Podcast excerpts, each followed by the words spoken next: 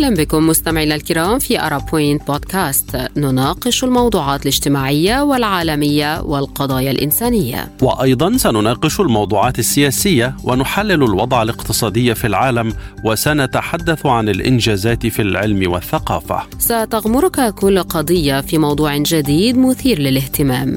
في الاستوديو معكم خالد عبد الجبار ونوران عطله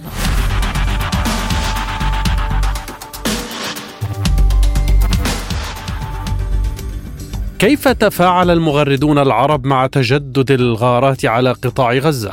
جدل في تونس بسبب صورة للرئيس قيس سعيد. تعرف على التفاصيل. ماذا قال وزير التعليم العالي الليبي؟ جدل وانتقاد في ليبيا. فما القصة؟ إلى التفاصيل. أدى تجدد المواجهات في غزة بين إسرائيل والفصائل الفلسطينية عقب اغتيال قيادي في حركة الجهاد الإسلامي إلى تبادل الاتهامات حول المسؤول الأول عن التصعيد ونقاشا آخر حول تردي الأوضاع حول العالم بظل وجود حروب وأوبئة في العديد من البلدان. واحتل وسم بعنوان غزة تحت القصف الذي أطلقه ناشطون صدارة ترند تويتر في العديد من الدول العربية. فتحت ذات الوسم تناقل البعض آخر أخبار القصف المتبادل بين الطرفين. وندد كثيرون بما اعتبروه تصعيدا إسرائيليا لا مبرر له. متهمين الكيان الصهيوني بافتعال المواجهة. فكتب عز الدين إسرائيل بدأت الحرب وتستطيع أن تبدأ أي حرب في أي وقت وتستطيع أن تقتلنا بدون حرب في أي وقت. هذا للتذكير حتى لا يظن أحد أننا نحب أن نرى دماء أطفالنا في الشوارع. جل ما نحاول فعله هو أن نزيح السكين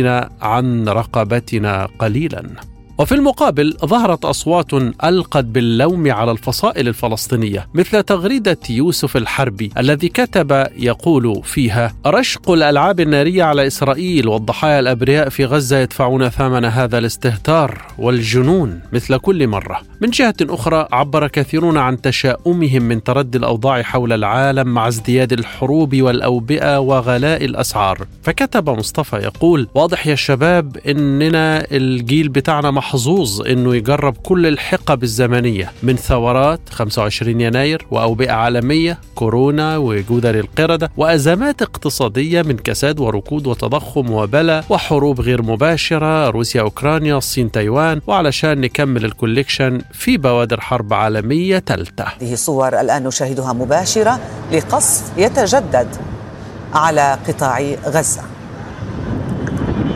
إذا نستطيع سماع الأصوات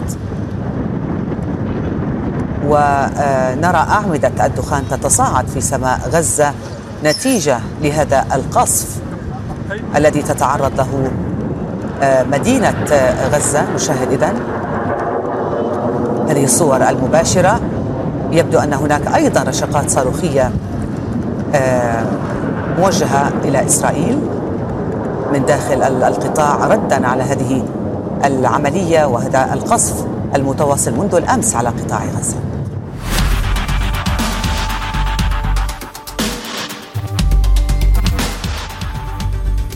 أثارت صورة دعائية للرئيس التونسي قيس سعيد موجة انتقادات واسعة النطاق في البلاد مما دفع السلطات المحلية لإزالتها ولإقالة مسؤول محلي لكن الجدل استمر عبر مواقع التواصل الاجتماعي حول علاقة الدين بالسياسة وما وصفها معارضون بالعودة لممارسات ديكتاتورية تروج للانقلاب. تعالوا نتعرف على تفاصيل ما حدث. بدأ الجدل يوم الجمعة الماضي بعدما تداول مدونون تونسيون صورة عبر مواقع التواصل الاجتماعي تظهر علم تونس معلقا على واجهة مئذنة مسجد وأسفله مباشرة صورة لقيس سعيد وذلك قبالة ساحة مهرجان في منطقة سيدي علي بن عون التابعة لولاية سيدي بوزيد. وفي البداية أنحى مدونون باللائمة على منظمي فعاليات مهرجان سيدي علي بن عون الدولي الذي تزامن عقده مع تعليق الصورة. لكن الجمعية المنظمة للمهرجان نفت في بيان نشرته عبر حسابها على فيسبوك أي علاقة لها بالصورة موضحة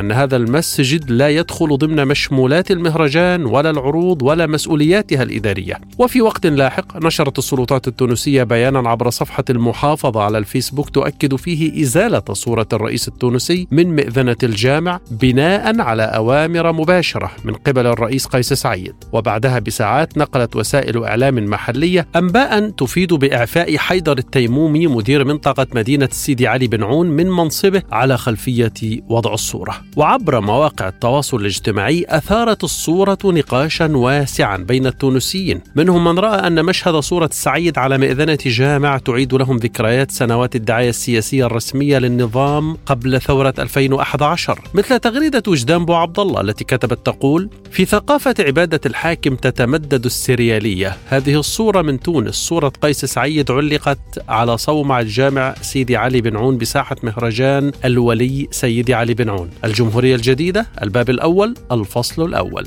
وكتب الدكتور عبد الستار رجب يقول ألم يتعاقد التونسيون على تحييد المساجد عن العمل والدعاية السياسية؟ حتى في عهد بورقيبة وبن علي رحمهما الله لم يحصل هذا التجاوز البائس والسيء لحرمة بيوت الله. لا تعلق صور الساسة في المساجد إلا في إيران. فهل هي خطوة خبيثة لزرع أعراف لا عهد للسياسة ولا للتدين بها في تونس؟ وكتب خلولي محمد يقول المشكل الحقيقي ليس في تعليق صورة قيس سعيد. المشكل أن هنالك من يحاول شيئا فشيئا جعل هذه الممارسات مألوفة لدى التونسيين حين تتعود العين عليها. هكذا دوما تبدأ الحكاية وتنتهي بصورته في كل مكان.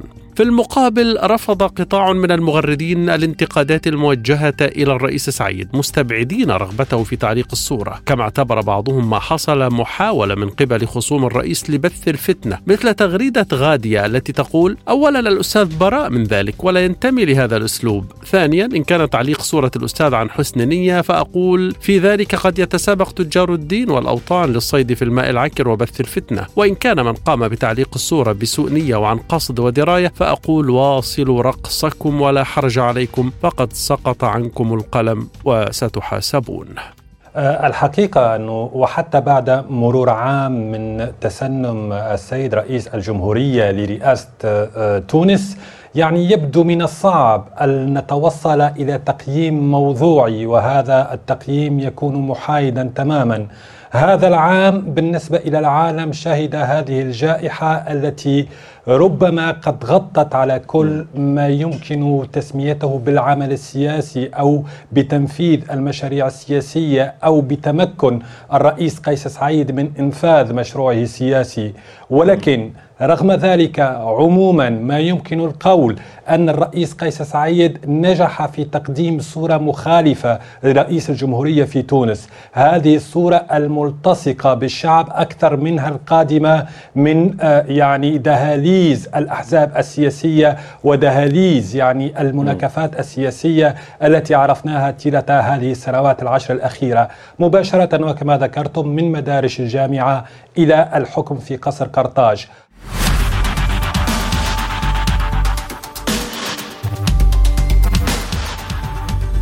وختام هذه الحلقة من ليبيا التي أثارت فيها تصريحات لوزير التعليم العالي بحكومة الوحدة الوطنية الليبية جدلا واسعا وانتقادات بين مستخدمي مواقع التواصل الاجتماعي في البلاد. وجاءت تصريحات الوزير عمران النقيب في مقابلة تلفزيونية مع قناة ليبيا الأحرار. هذا الأسبوع تحدث فيها عن الزواج وتكوين الأسرة وأنهما أهم من الدراسة على حد تعبيره. وتداول مدونون ومغردون ليبيون مقطع فيديو من المقابلة. تعالوا نستمع لما قاله الوزير الليبي. هذه فئات ما نبي ماجستير نبي نطلع نقرأ برا. في شاب حلم يتزوج. هذه فئة اجتماعية تحتاج. الهرم السكاني سيد خالد. الهرم السكاني يعرفها أي ليبي. الهرم السكاني بتاع ليبيا مضروب في الوسط. في فئة عمرية مناش اللي هي خشيه الحروب. لابد من إعادة الزواج. لابد من تكثير الأسر. أهم من الدراسة. إن نبني أسر.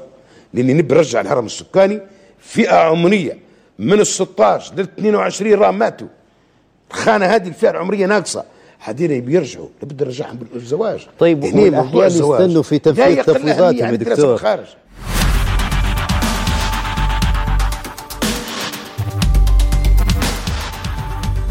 وقد تباينت ردود أفعال الليبيين عبر مواقع التواصل الاجتماعي إزاء تصريحات الوزير وامتزجت فيها السخرية بالغضب. فكتب جمال يقول الزواج هو الحل الوحيد لفض النزاعات وإعادة الإعمار ورفع جودة التعليم وضبط الأمن والأمان وقيام الدولة. وأعرب كثير من المدونين عن دهشتهم من صدور مثل تلك التصريحات من وزير للتعليم والبحث العلمي. فكتب أحدهم يقول لو قالها حد تاني كانت مقبولة. المشكلة أن صاحب المقولة هو وزير التعليم العالي والبحث العلمي. وكتب عادل تخيل وزير التعليم نفسه مش فاهم بأن أغلب الفئة العمرية اللي ماتت في الحروب ماتت لأنها مش متعلمة وما زال مستمرا في توفير حطب لنار الحروب. وكتبت وردة بالله هذا وزير تعليم العالي ولا وزير شؤون اجتماعية. معقولة يطلع منه هالكلام بدل ما يشجعنا على ما بعد التخرج من الدراسات العليا؟ يقول لك الزواج أهم من الدراسة؟ على أساس البلاد بتنهض بزيادة العدد السكاني بلادنا على الوضع هذا من قلة العلم والجهل. لو الشعب متعلم ما وصلنا للحال هذا. وكتبت ليلى ساخرة بلسان وزير التكاثر الاجتماعي عمران النقيب الزواج وتكثير الأسر أهم من الدراسة والتعليم.